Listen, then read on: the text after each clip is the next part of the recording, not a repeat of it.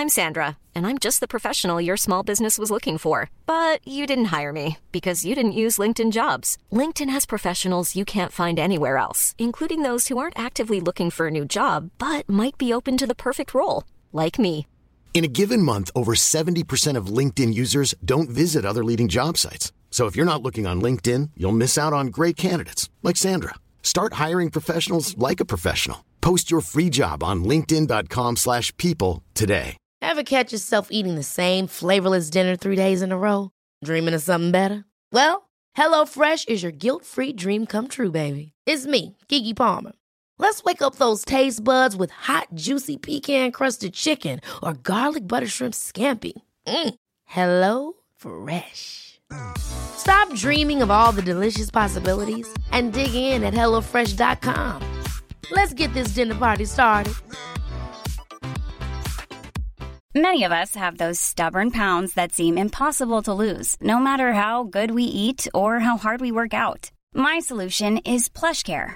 PlushCare is a leading telehealth provider with doctors who are there for you day and night to partner with you in your weight loss journey. They can prescribe FDA-approved weight loss medications like Wagovi and Zepbound for those who qualify. Plus, they accept most insurance plans. To get started, visit plushcare.com slash weight loss. That's plushcare.com slash weight loss. Förväntningar, så styr de oss. Har du spelat brännboll någon gång, Ann-Sofie? Eh, oh ja, oh ja, oh ja, inte en favoritsport, men absolut. Vad är du ute efter nu?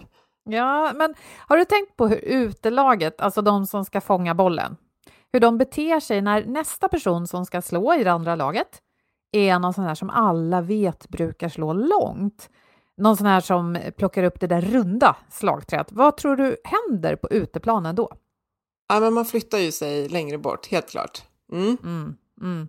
Så den personen får ju uppleva hur utelaget liksom backar ut och bort. För de placerar sig för att kunna fånga riktigt höga och långa slag.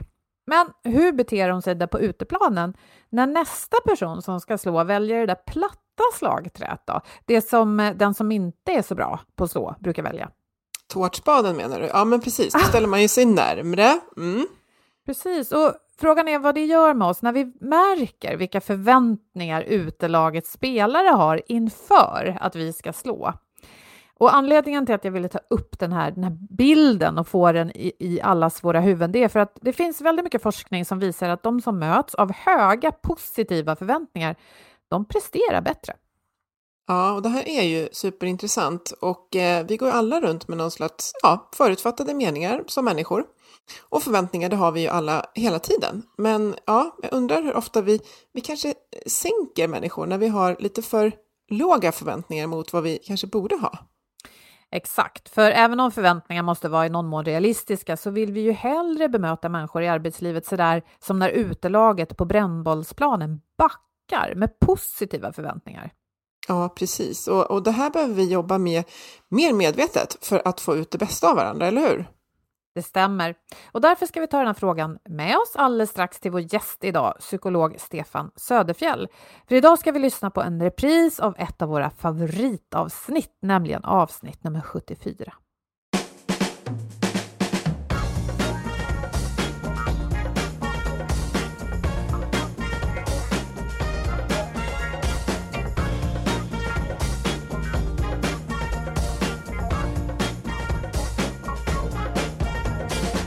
Du lyssnar på Health for Wealth. Det här är en podd om hälsa på jobbet.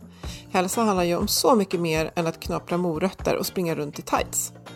Och hälsa, det kan handla om bra samarbeten. Att både ha en tydlig riktning och frihet att agera självständigt. Och förstås trygga ledare som har tid att leda.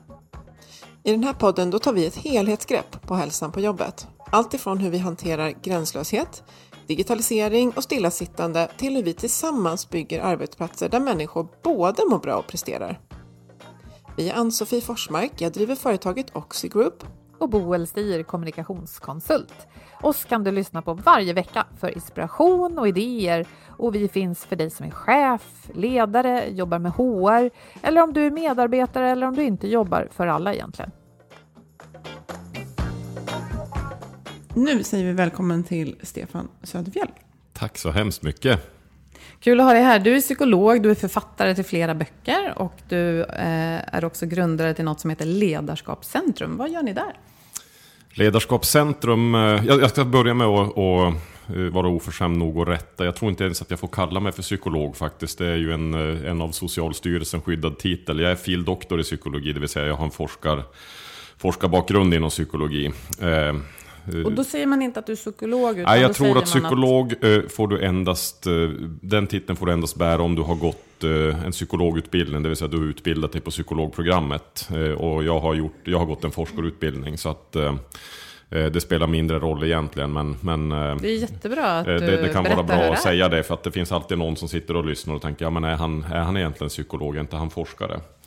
Eh, och just det här med forskning är eh, en väsentlig del av det som Ledarskapscentrum eh, har gjort genom alla år. Vi grundades för drygt tio år sedan med, med syftet att bli en brygga mellan arbetslivsorienterad forskning, arbetspsykologisk forskning och Eh, arbetslivet. Eh, och vi hade en devis som vi ganska tidigt började driva som kallades att vi ska försöka sprida vetenskap som går att använda. Och syftet med den vetenskapen var att bidra till ett bättre, mer välfungerande, välmående arbetsliv.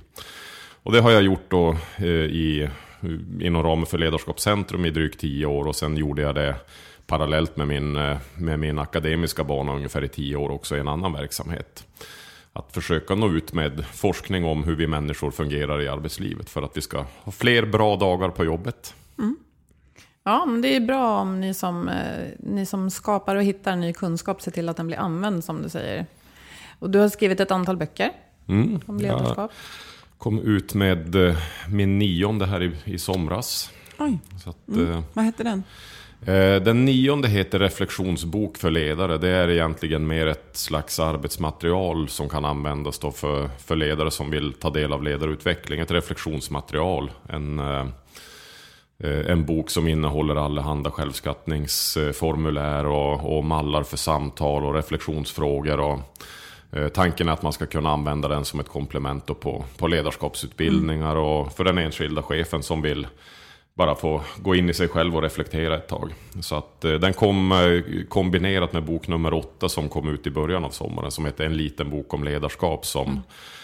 som egentligen är mitt försök till att Eh, komprimera ner mina tidigare böcker. För de har varit betydligt mer omfattande och stora och tjocka. Och jag märker att det finns en efterfrågan efter kortare sammanfattningar. Mm. Så då, då, skrev jag en, en bok som heter just En liten bok om ledarskap. Och den är vad den heter. Mm. Och de här två böckerna är då tänkt att kunna användas i kombination. Så att, mm. Eh, mm. Ja, reflektion, det, det, gillar ju vi och förespråkar ofta just för att det är så lätt att man springer förbi den, den lilla biten. Nu hoppas vi att det här är efter sommaren och att folk har reflekterat under sommaren. Men ja, mm. det låter intressant. Det blev jag sugen på att läsa då. Men idag ska vi prata om, om förväntningar. Mm. För det är ju någonting som verkligen påverkar alla. Mm. Eh, och vi är ju inne på arbetsplatsen i den här podden. Så det är där vi kommer ja. hålla till idag. Och, mm. jag menar, den stora frågan är just att dels om du vill berätta lite om hur, hur, hur fungerar det? Hur är mekanismerna? Och hur kan vi göra på arbetsplatsen för att nyttja mm. det här med förväntningar på ett bra sätt? Så vi lyfter varandra istället för tvärtom. Mm. Så gärna. Mm. Eh, och just termen förväntningar är ju... Det finns ju en hel, eh, en hel forsknings, eh, ett helt forskningsspår som bara tittar på förväntningar faktiskt. Det finns någonting som inom psykologin kallas för expectancy theories, eh, alltså förväntansteorier. Och Anledningen är ju den att våra föreställningar, våra inre förväntningar som vi har på oss själva och andra har en så pass betydande roll för vårt eget beteende men också i hur vi fungerar gentemot andra och vad vi lockar fram hos andra. Så att eh, det här med förväntningar är, är eh, ett eh, område som påverkar oss i alla livets arenor kan man säga, inte bara på jobbet. Men, men eh, kanske framförallt på, inom arbetslivet så har man forskat väldigt mycket på det. Och eh, man kan väl grovt sett dela in förväntningar i de förväntningar som vi har på oss själv och, de, och sen de förväntningar som vi har på andra. Och, och det sistnämnda blir ju relevant inte minst när vi pratar om ledarskap eftersom forskningen visar att de sanna, genuina förväntningar som vi har på andra människor i stor utsträckning påverkar vårt beteende och vårt förhållningssätt gentemot andra och det påverkar också vad de då i sin tur eh, tenderar att uppvisa och utveckla för beteendemönster. Så att våra förväntningar tenderar att locka fram eh, beteendemönster som mer eller mindre bekräftar de förväntningar vi har. Det brukar kallas för eh, självuppfyllande profetier eller mm. när vi har positiva förväntningar så pratar man om någonting som kallas för Rosenthal-effekten efter en forskare som heter Rosenthal. Där våra positiva förväntningar lockar fram positiva beteenden. Mm. Men sen pratar man om eh, det motsatta när vi har negativa förväntningar. Där vi inte tror att en individ eller en grupp kommer att kunna mm. fungera väl. Och det brukar gå under namnet Golem-effekten. Och då, eh, olyckligt nog, så tenderar vi att locka fram Eh, de beteendena då när vi hyser sådana förväntningar.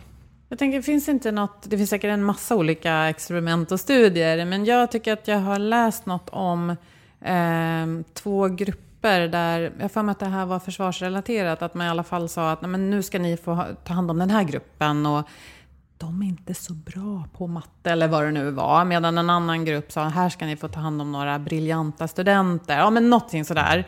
Eh, och sen gjorde man någon typ av uppgift eh, som såg likadan ut för båda grupperna. Och det ble, resultatet blev mm. mycket bättre på, på den sidan där man hade höjt förväntningarna. Men egentligen så såg kunskapen och kompetensen ganska lika ut i båda. Ja, eh, den, den mest refererade och klassiska studien, det är, eh, jag, tror, jag tror det är därifrån namnet kom. Jag tror att det var eh, Robert Rosenthal som genomförde en, en studie inom eh, skolans värld, där man eh, helt enkelt delade in klasser slumpmässigt baserat på slumpmässigt tilldelade sådana här begåvningstest. Och så fick lärarna för de här klasserna veta att mm. ja, men den här Eh, Eh, eleven eller studenten det är en person som kommer ha lätt för sig och den här eleven har presterat sämre, den kommer ha lite svårt för sig.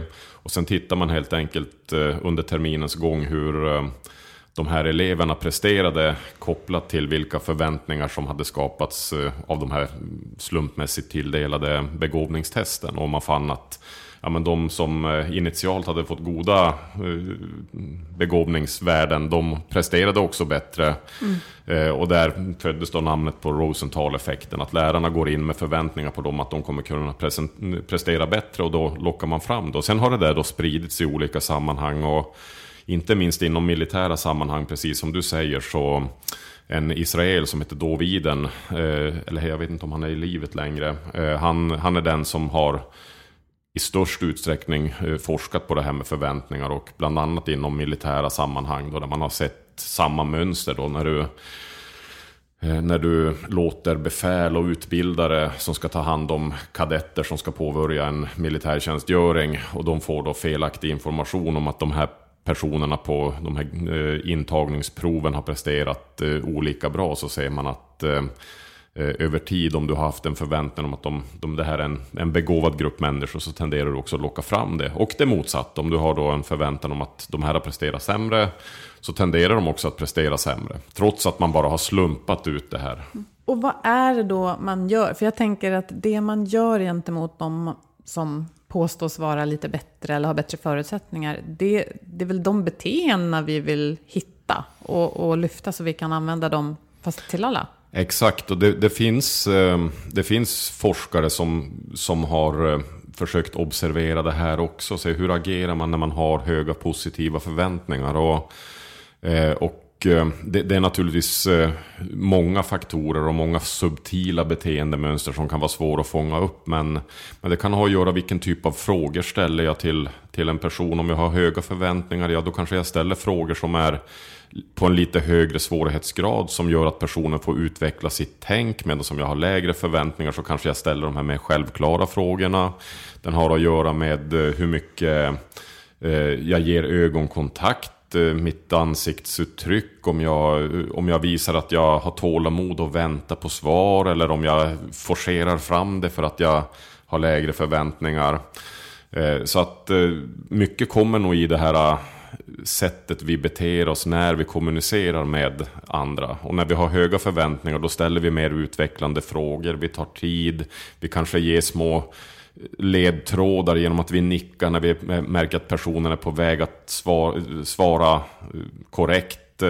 Och det här är vi sannolikt helt omedvetna om, så att mm. det, det, är svårt att att medvetandegöra det initialt. Utan har jag positiva förväntningar så kommer det här fram mer eller mindre automatiskt. Medan om jag har negativa eller lägre förväntningar så, så kommer det också ta sig uttryck fast jag är inte är medveten om det.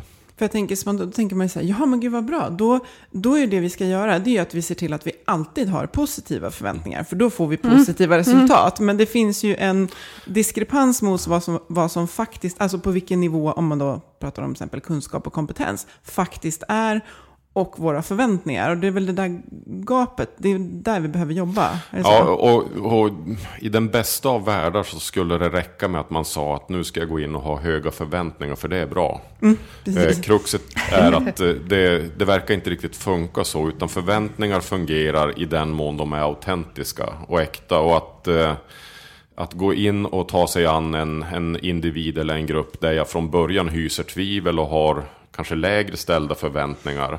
Och om jag då försöker intala mig själv att nu ska jag ha höga förväntningar, nu ska jag tro på den här personen. Så, eh, så verkar det inte fungera. Du får inte fram den här eh, självuppfyllande profetian när inte förväntningarna är genuina.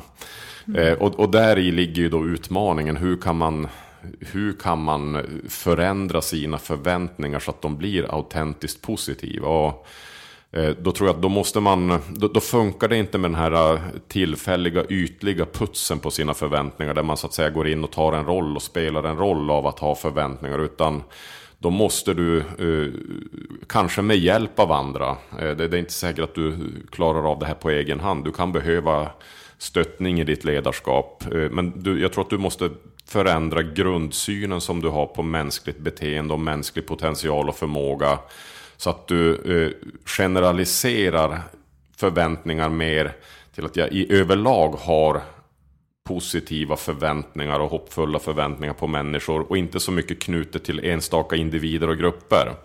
Så att man helt enkelt förändrar det mindset som jag har kring eh, mänsklig förmåga och mänskligt beteende. Eh, och det eh, finns en amerikansk forskare som heter Carol Dweck som har blivit mm. väldigt populär Eh, inte minst inom eh, akademiska mm. Eh, kretsar. Eh, hennes forskning går egentligen ut på att studera och jämföra de olika mindset som vi har kopplat till vad som styr vårt beteende och vad som leder fram till att vi utvecklas och presterar väl. Och om man kan komma in på den nivån och förändra grundmindset så, så tror jag att eh, du kan nå framgång. Men det, det, tar antagligen lite längre tid än att mm. bara säga att nu ska jag ha positiva förväntningar på den här gruppen. För, ja, precis. För hon pratar ju om fixed mindset och growth mindset. Och det var, mina tankar började röra sig mot det när du beskrev det här som man... Jag, jag kommer... Det kanske mest så här, ärliga jag känner, jag kommer inte, det kommer inte bli som jag tror. Det, det, så, så kan man ju säga om det mesta i livet. Att det, mm. blir, det blir ungefär som man tror ibland. Och ibland blir det bättre och ibland sämre. Men ett growth mindset sätter mig ju... Jag kommer att lära av den här interaktionen, vad den än handlar om. Men jag kan utgå ifrån de här grund plåtarna. Och jag tänkte, du pratade om din bok som hade med reflektion att göra. Att Eh, det låter som att mycket av nyckeln till det här att hamna i rätt förväntningar, det handlar ju om att jag måste faktiskt förbereda mig för det jag ska göra och inte bara springa in och tänka att ja, det brukar ju vara så här, att för att kunna hamna rätt i mina förväntningar så behöver vi tid för reflektion, bolla med andra, förbereda oss. Någonting som jag känner att det finns en viss brist på idag för många. Ja, men verkligen. och, och eh, jag tror också att man behöver, man behöver utbilda sig själv och av andra och få förståelse för att eh, till exempel få kunskap om de här olika mindsetsen. Det, det, kan vara en jättekraftfull intervention att eh, till exempel läsa, läsa om det här och, eh, och eh, att läsa andra böcker som visar att eh, utveckling av extrema färdigheter beror mer på vilken typ av övning och träning man har utsatt sig för än, än vilka gener man råkar ha. Och den typen av kunskap kommer naturligtvis att eh, stå i konflikt då mot om jag har ett så kallat fixed mindset som, som säger att jag tror att mänsklig förmåga är en talang som är medfödd.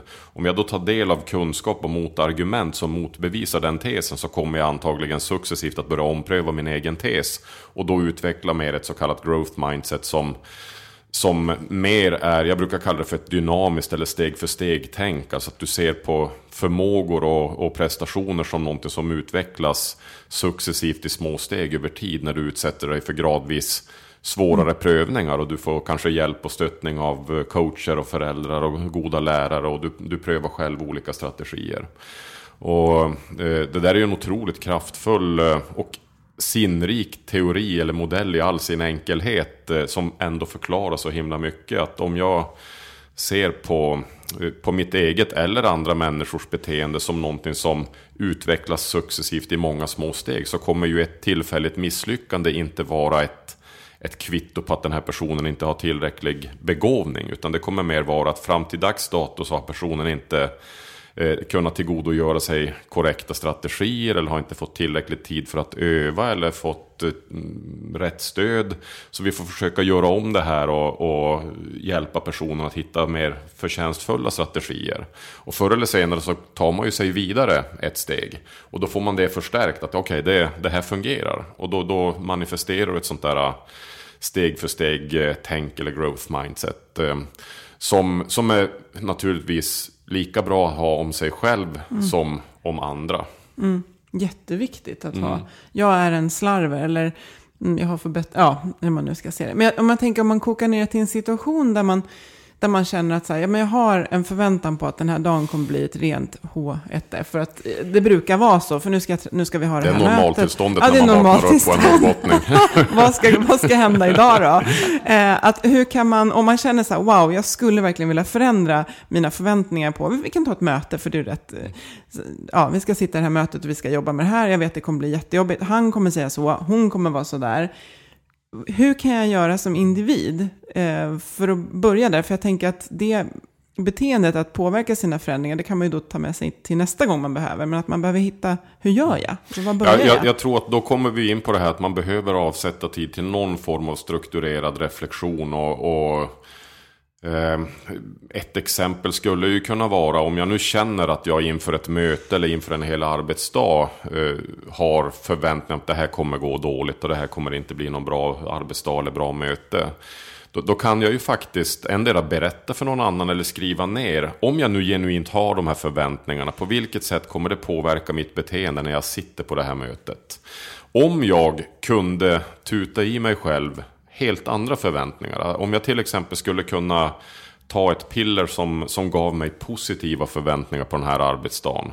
Eh, kommer, skulle det förvänt, påverka mitt beteende på något sätt när jag går in på första mötet eller när jag möter kollegan i korridoren? Ja, men jag kanske skulle eh, ha ett annat tonläge läge när jag säger hej eller jag kanske skulle gå in på mötet och eh, sätta mig på en annan plats mm. eller vad det nu än kan vara. Och utifrån det så kan man ju då skapa små experiment eh, för sig själv. Så att ja, men jag kanske ska testa att göra det här då. Även om inte jag har höga förväntningar så kan jag ju testa att möta kollegan med ett rungande hej eller jag kan byta plats eller jag kan inleda mötet med att eh, föra fram den här synpunkten. Jag tror fortfarande inte att det här kommer fungera men jag gör ett litet experiment för att se om det blir någon förändring. Och det skulle kunna vara ett sätt att eh, eh så att säga testa sig fram, att byta egna beteenden för att se om det blir någon förändring i, i omgivningen. Trots att jag än så länge inte riktigt tror på det så, så kan jag åtminstone försöka göra, utföra mm. beteenden och aktiviteter som jag tror att jag skulle ha gjort om jag hade haft positiva förväntningar.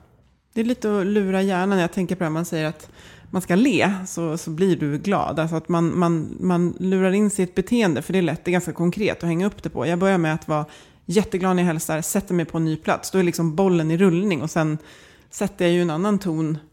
För hur, hur transparenta vi än är, om jag helt plötsligt hälsar jätteglatt på Boel och inte brukar göra det, då sätter jag ju en ny ton hos henne också. Och ny, så. Ja, wow, men absolut. vad hände? ja, vad hände? ja, och tankar och känslor är ju så ohyggligt svåra att göra någonting åt. Eh, om, eh, ja, men många människor tycker exempelvis att det är eh, förenat med stor grad av ångest och nervositet att stå och prata inför grupp. Och att säga till en person som då har prestationsångest inför en muntlig presentation att du slappnar av bara, du behöver inte vara nervös. Det kommer inte göra varken till eller från. Det är nästan elakt. Det, det, är nästan så att Förminska. nervositeten bara, mm. det blir liksom sån här ironisk eh, process som man brukar kalla det. Det, är att eh, Försök tänka på att du inte har vita björnar i rummet. Ja, men ju mer man tänker på det, desto mer ser man dessa vita björnar. Och samma sak är det med tankar och känslor som vi medvetet försöker, försöker mota bort.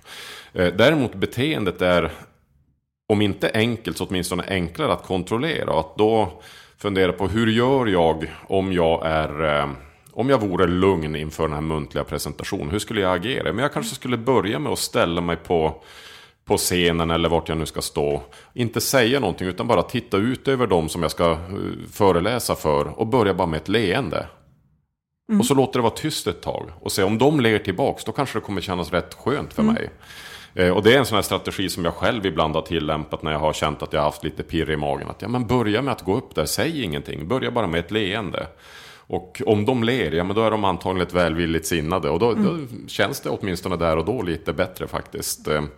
Och då har man liksom fått en, en liten start. Så att eh, bestämma sig själv för beteenden som man faktiskt kan kontrollera. Och så låta beteendet eh, så att säga locka fram de känslor och tankar som man vill ha. För jag tror att det är lättare att göra så än att via medvetna tankar och, och känslor locka fram rätt beteenden. Jag tänker då om man ska in i det här mötet där man kanske egentligen förväntar sig att det här kommer bli ett konfliktfyllt möte utan resultat. och att man kanske därför har den här klumpen i magen. För att det är folk som vill olika och som är väldigt hårdnackade. Om jag då, det är klart att om jag kommer in och ler och allt det här och jag förväntar mig ett resultat, då kanske jag orkar under mötet driva mot en lösning. Men nog borde det hjälpa också att jag säger att Hej, jag förväntar mig av det här mötet att vi kommer nå en lösning om en timme när vi är klara.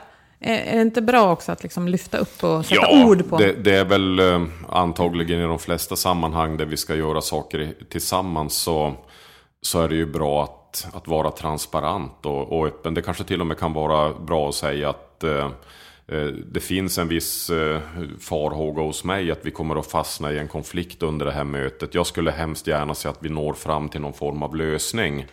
Eh, jag vet inte hur ni andra känner eh, kring det, så att vi inte sitter här imorgon också och är kvar i samma... Eh, tyvärr så är vi ju oftast, eller oftast, men, men ofta inte så öppna och ärliga med vad vi tycker och tänker, utan vi, vi håller det mer inom oss själva. Därför att vi vill inte stöta oss med andra och vi vill inte bli ovänner. Och därför så ger vi en tillputsad beskrivning av våra tankar och förväntningar. När det kanske vore bäst att, att vara mer rak och säga att det här, det här skulle jag vilja ha ut av det här mötet. Vi har tidigare varit i ganska jobbiga konflikter och vi har fastnat i de här frågorna. Kan vi göra annorlunda på det här mötet så att vi faktiskt kommer framåt? Fin, finns det ett läge, för det låter ju som en ganska bra grej, att man är ganska ärlig med sina förväntningar. För då kan man fånga upp att oj, tre av fyra här inne känner tydligen att ni är oroliga för att vi inte ska nå fram till det vi hade tänkt. Men eh, när kan det vara läge att inte yppa dem? Alltså är det alltid bra att vara transparent eller kan det finnas... Jag tror att det allt som oftast är bra att vara transparent. Så länge du är transparent med, eh, med någon form av omtanke och respekt för din omgivning. Det är klart att om jag sitter och tycker att min kollega har på sig en, en ful tröja eller eh, om jag hyser någon annan liksom mer personlig eh, åsikt om en kollega. Så det är, ju inte, det är ju inte snällt att vara transparent i ett sånt sammanhang.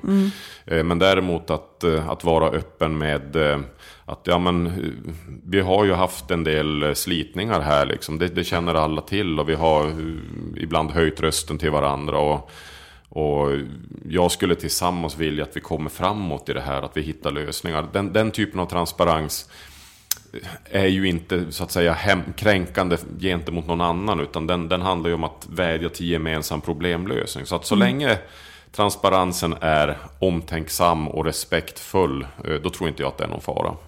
Ja, man kanske inte, jag tänker om man plötsligt har kommit på att man kanske bemöter kvinnor annorlunda än män för att man inte...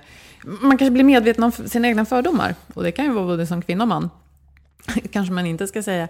Men Ann-Sofie, jag har precis insett att jag faktiskt behandlar kvinnor annorlunda än män. Men nu har jag förstått att även du som kvinna har en del potential. det blir lite konstigt. Jag förväntar mig att du kliver fram och tar 50% av samtalstiden idag. Nej, om, man, om man lägger upp det så kanske det inte är så himla bra. Men däremot tror jag det är inga problem att prestigelöst säga att ja, men jag inser att jag har varit lite förblindad av stereotypa uppfattningar och fördomar. Eh, bland annat kopplat till manligt och kvinnligt. Och, och jag ber om ursäkt.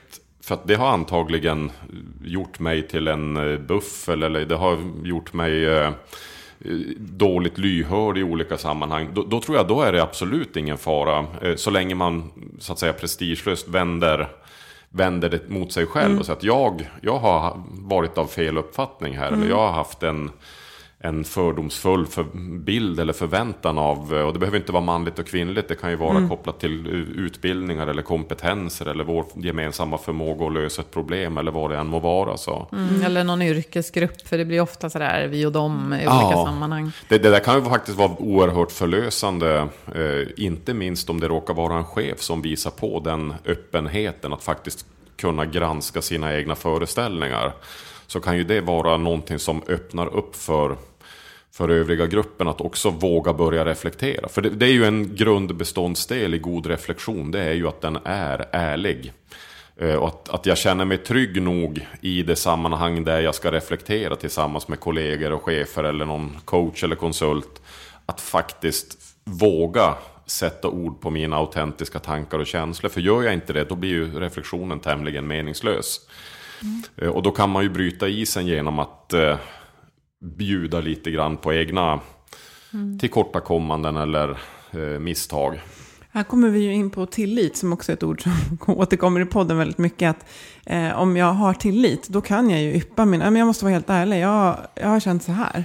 Eh, det bygger på att det finns tillit, så att vi ska kunna ha en ärlig reflektion och också vara ärlig med våra förväntningar. Och vi bygger ju tilliten när vi vågar ha de här konversationerna. Så. Mm.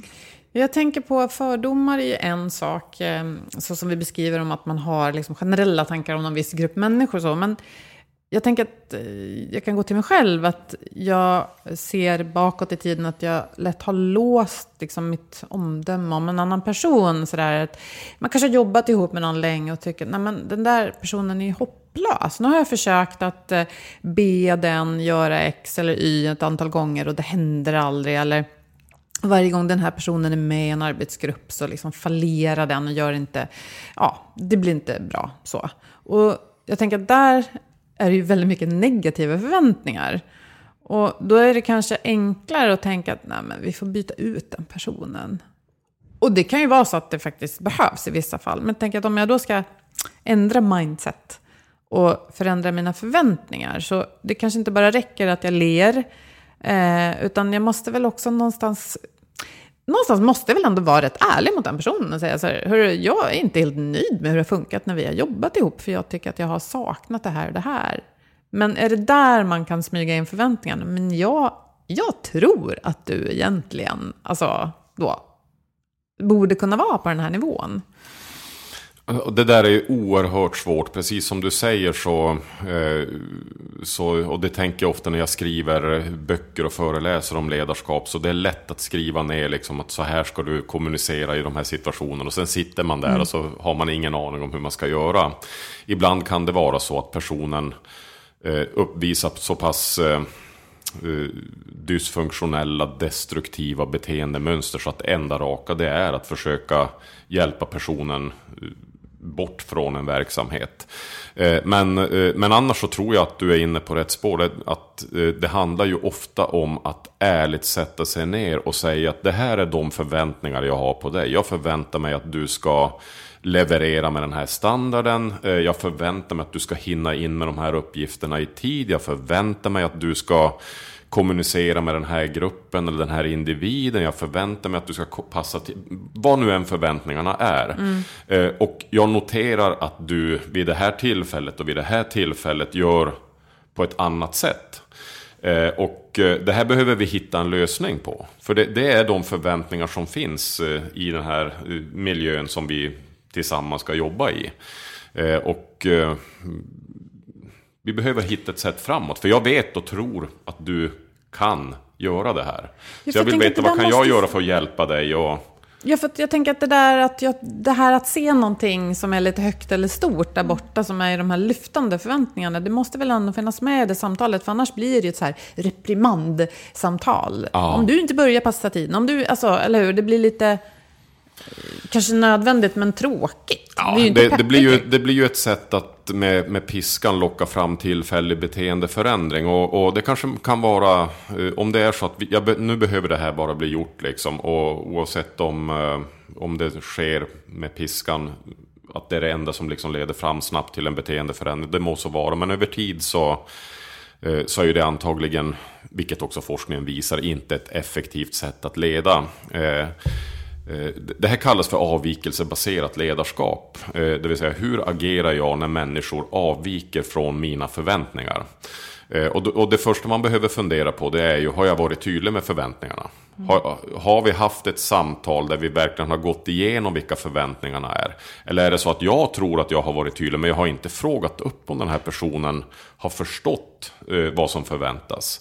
Eh, så att eh, jag brukar säga när, när det gäller väl fungerande ledarskap så, så steg ett det är att se till att klargöra. Gör klart för den individ eller den grupp som förväntas utföra vissa arbetsuppgifter eller beteenden eller agera enligt någon form av beteendenormer eller värderingar. Se till att de förstår vad som förväntas. Och det behöver inte vara så att du står med utsträckt arm och, och tydliggör för dem att nu ska ni göra så här. Utan det kan lika gärna vara så att det sker i en dialog där du ställer frågor. Vad tycker ni skulle kännas som rimliga, meningsfulla, utmanande, inspirerande mål? Och hur skulle ni vilja lösa den här arbetsuppgiften? Och så samskapar ni någon form av förväntansbild. Eh, men det är du som ledare som så att säga initierar samtalet och processen och säkrar att personerna har klart för sig eh, vad är förväntningarna. Och redan här kan jag säga att många, många problem när det gäller eh, stress och arbetsprestationsavvikelser och konflikter och subgrupperingar står att härleda till att det inte har varit tydligt. Det, det, är liksom arbetslivets stora dilemma idag ska jag säga. Att det blir inte tydligt på grund av att chefer sitter eh, drunknade i administrativa uppgifter. De hinner inte vara ute och följa upp och fånga upp och fråga och ha Eh, man, man tror att det räcker att jag en gång sitter och pratar om förväntningar. När det mm. kanske egentligen behöver vara ett budskap som man går igenom och följer upp Just gång det. efter gång efter gång. Så det, det, är ju den första delen i det här, att verkligen fundera. Vet personen egentligen vad som förväntas? Och, och den andra är ju, om nu personen vet vad som förväntas. Vad är det som gör att personen inte fram till dags dato har valt att agera i linje med det här. Står orsaken att finna hos mig? Är det jag som eh, dämpar personens engagemang? Eller står orsaken att finna i att personen har svårt att kommunicera eller samarbeta i sitt arbetslag? Ja, men då kanske eh, det är en insats riktad till hela arbetsgruppen där jag behöver så att säga medla och konsultera och hjälpa dem att hitta sina roller och sätta gemensamma mål och så vidare. Mm. Så att, eh, att man gör en ordentlig analys, vad, vad, kan det bero på? Det behöver inte bero på att den här personen är en problematisk person. Utan det kan vara grundförutsättningar som gör att den här personen inte kommer fram. Och, eh, det, det tänket tycker jag överlag är ett sunt förhållningssätt när man ska leda andra. Att alltid utgå ifrån, okej okay, vad är det jag gör eller inte gör som hämmar eller försvårar för för en individ. Istället för att det automatiskt ska, vara, vad är det för fel på den här personen som mm. inte gör det som den ska göra. Mm. Och, och, jag tror tyvärr så kanske lite grann en del av att vara människa är att när en person inte gör som den gör så det finns något som kallas för fundamentalt attributionsfel. Eh, och det är att vi helt enkelt börjar tillskriva inre stabila egenskaper hos andra människor baserat på deras beteende. Så att om en person, och det, det, här blir än extra starkt om personen har avvikande beteenden. Så börjar vi i än större utsträckning förklara beteenden om att det här beror på den personens inre egenskaper. Så om du slarvar med eh, att lämna in ett dokument, ja då beror det på att du är en slarver. Det beror mm. inte på att eh, det har varit en extrem arbetsbelastning. Jag har gett otydliga beskrivningar. Utan man, man tenderar att söka orsaken inom individen. Och en vetskap om det här och att medvetet fundera på i första läget. Vad är det jag som chef eller ledare eller förälder eller tränare gör idag som hämmar eller begränsar eller leder den här personen åt fel håll. Vad kan jag göra för förändringar så att man alltid börjar med sig själv.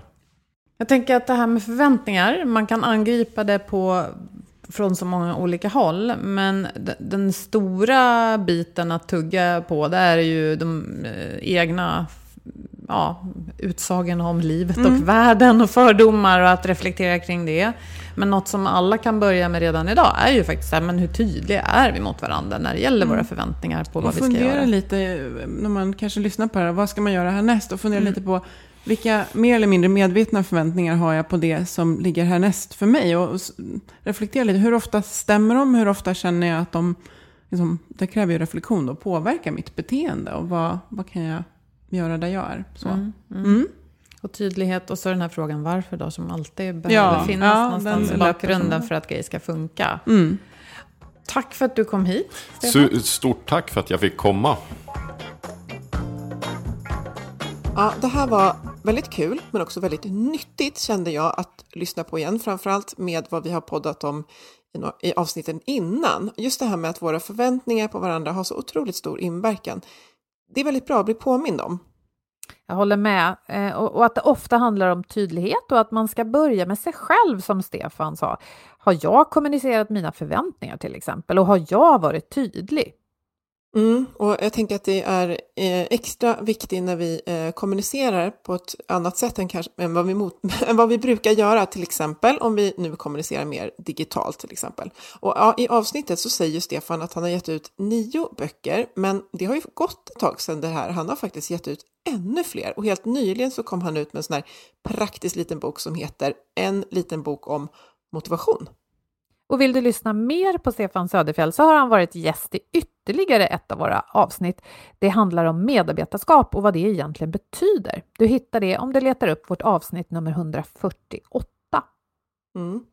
Och vår samarbetspartner Motivation.se, Sveriges ledarskapssajt, de har flera bra artiklar om just det här med förväntningar. Både de förväntningarna som vi har på andra, men också de som vi har på oss själva och vad de här förväntningarna kan leda till. Den här veckan tipsar vi om en artikel som heter Har du höga förväntningar på dig själv? Den handlar om att den som har en försiktigt optimistisk syn på sin egen potential ökar sina möjligheter att uppnå sina mål. Det du förväntar dig tenderar att bli en självuppfyllande profetia. Ja, och med det så tackar vi våra samarbetspartners Motivation.se och Agda Media för den här produktionen.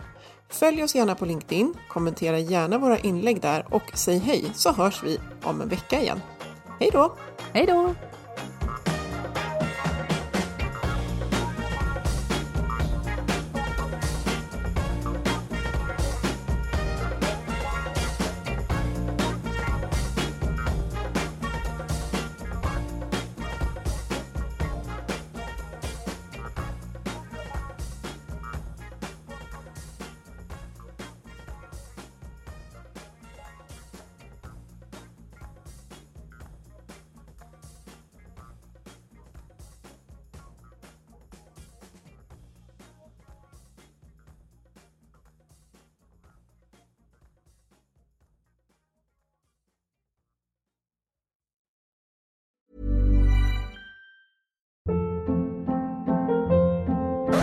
Hold up. What was that? Boring. No flavor. That was as bad as those leftovers you ate all week. Kiki Palmer here, and it's time to say hello to something fresh and guilt-free. Hello Fresh. Jazz up dinner with pecan-crusted chicken or garlic butter shrimp scampi. Now that's music to my mouth. Hello Fresh. Let's get this dinner party started. Discover all the delicious possibilities at hellofresh.com.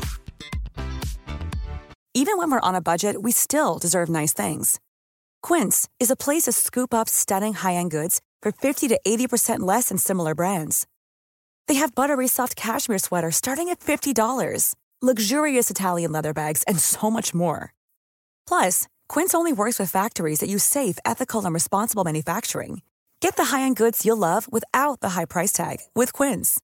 Go to quince.com/style for free shipping and 365-day returns. Mom deserves the best, and there's no better place to shop for Mother's Day than Whole Foods Market. They're your destination for unbeatable savings, from premium gifts to show-stopping flowers and irresistible desserts. Start by saving 33% with Prime on all body care and candles. Then get a 15-stem bunch of tulips for just $9.99 each with Prime. Round out Mom's menu with festive rosé, irresistible berry chantilly cake, and more special treats. Come celebrate Mother's Day at Whole Foods Market.